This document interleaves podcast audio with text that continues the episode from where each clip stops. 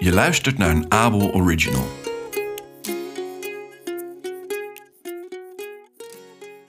Alex de reppende papegaai. Alex de papegaai woonde zijn hele leven in het dorp Quiet. In het dorp woonden alleen vogels. Sommigen leefden op straat, sommigen in tuinen en sommigen hadden een eigen huis. De huizen in Quiet dorp zagen er allemaal hetzelfde uit. Grijs, laag en onopvallend. De voortuinen lagen vol met stapels bladeren, netjes aangeharkt door de vogels. Alex was een reusachtige rode ara.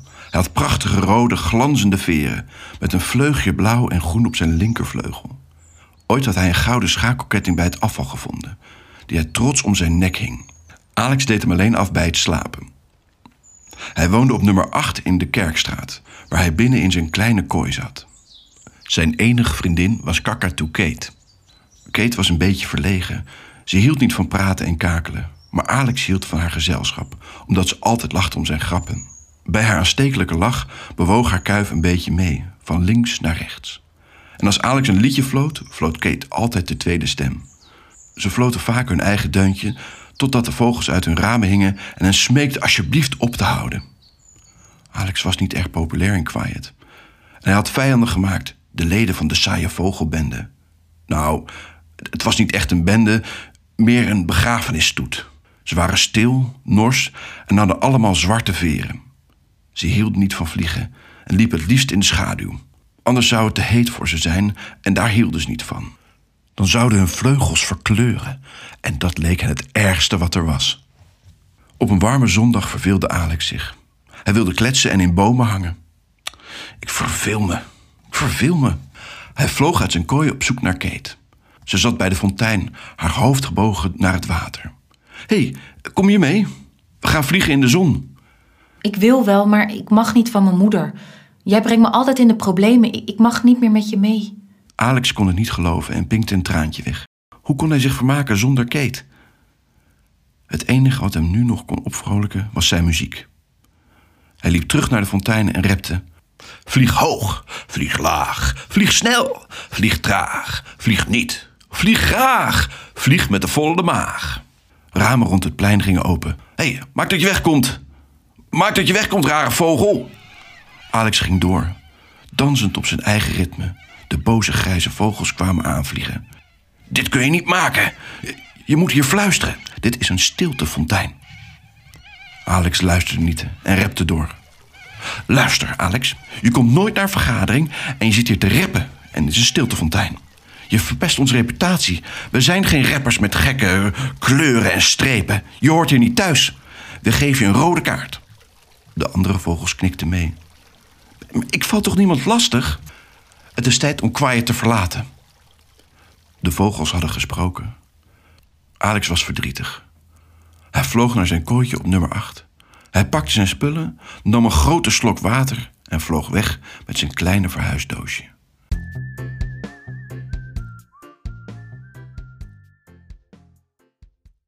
Vaarwel, Quiet. Hopelijk zou hij snel een nieuwe leuke plek om te wonen vinden. Alex vloog lang voordat hij uiteindelijk uitkwam in een dierentuin. Hij zocht een plekje om uit te rusten en vond een glazen gebouw. Het was een kas. De deur stond open en hij ging naar binnen. Het was vochtig en warm. Alex hapte naar adem en veegde met zijn vleugel het zweet van zijn voorhoofd en legde de spullen bij de stam van een palmboom. Zouden er nog andere dieren in de kas zijn? Is daar iemand? Het schrille geluid galmde door de kas. Er kwam geen reactie. Even werd hij overmand door angst. Zijn gouden ketting voelde zwaarder dan ooit, dus hij deed hem af en stopte hem in zijn doosje. Het was stil in zijn hoofd. Hij had nog nooit zo lang niet gekakeld en hij miste Kate. Zou hij de saaie vogelbende vragen hij terug mocht keren naar Quiet? Hij veegde het vuil van zijn veren en dacht aan vroeger.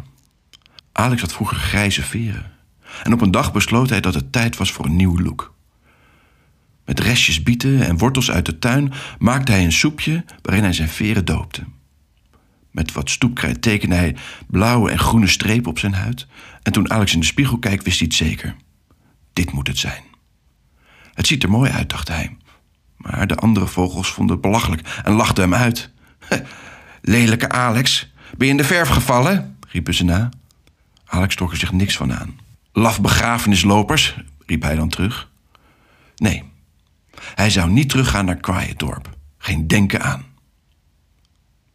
Toen Alex de volgende dag wakker werd, hoorde hij in de verte een hard geluid van brekend glas. Hij schrok, schudde zijn veren en vloog rap de kas uit. Door het geluid te volgen kwam Alex bij een groot groen bos. Groene kuifjes staken boven de bladeren uit. Hé, hey, uh, hallo, uh, is het leuk hier? De kakatoes begonnen zich te verzamelen en schreeuwden... Het is hier fantastisch. Ben jij een ara? Wat een rare kleur hebben je vleugels. Ze zagen dat Alex anders was. Ara's zijn hier verboden. Alex werd boos. Was Kate dan de enige aardige kakatoe geweest? Wat een schande! Je weet niet wat je mist. Dapper vloog hij verder. Hij vloog en vloog tot hij een groot meer zag. Zal ik het meer oversteken, dacht Alex. Of toch maar aan deze kant blijven. Alex was dorstig, uitgeput en bezweet. En zijn veren waren dof geworden. Hij besloot de nacht aan de kant door te brengen. Hij zocht een tak die stevig genoeg was.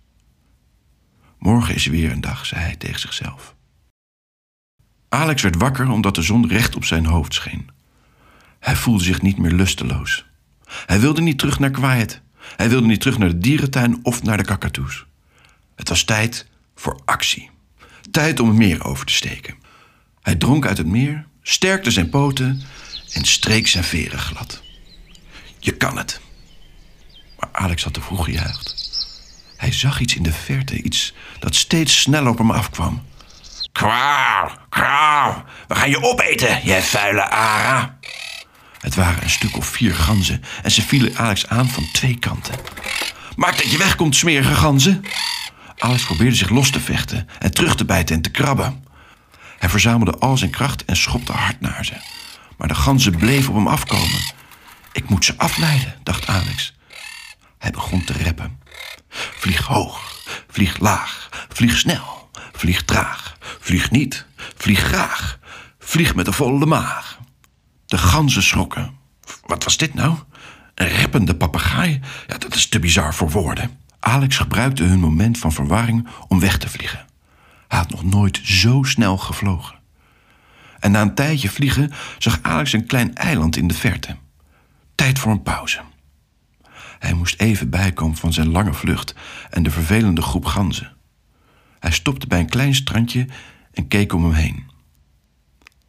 Het strand had goudkleurige korrels en de zee was helderblauw. Dit had hij nog nooit gezien. Hij hoorde vrolijk geklets, gelach en zelfs muziek een eindje verderop. Een glimlach verscheen op Alex' gezicht. Het was zo lang geleden dat hij muziek had gehoord.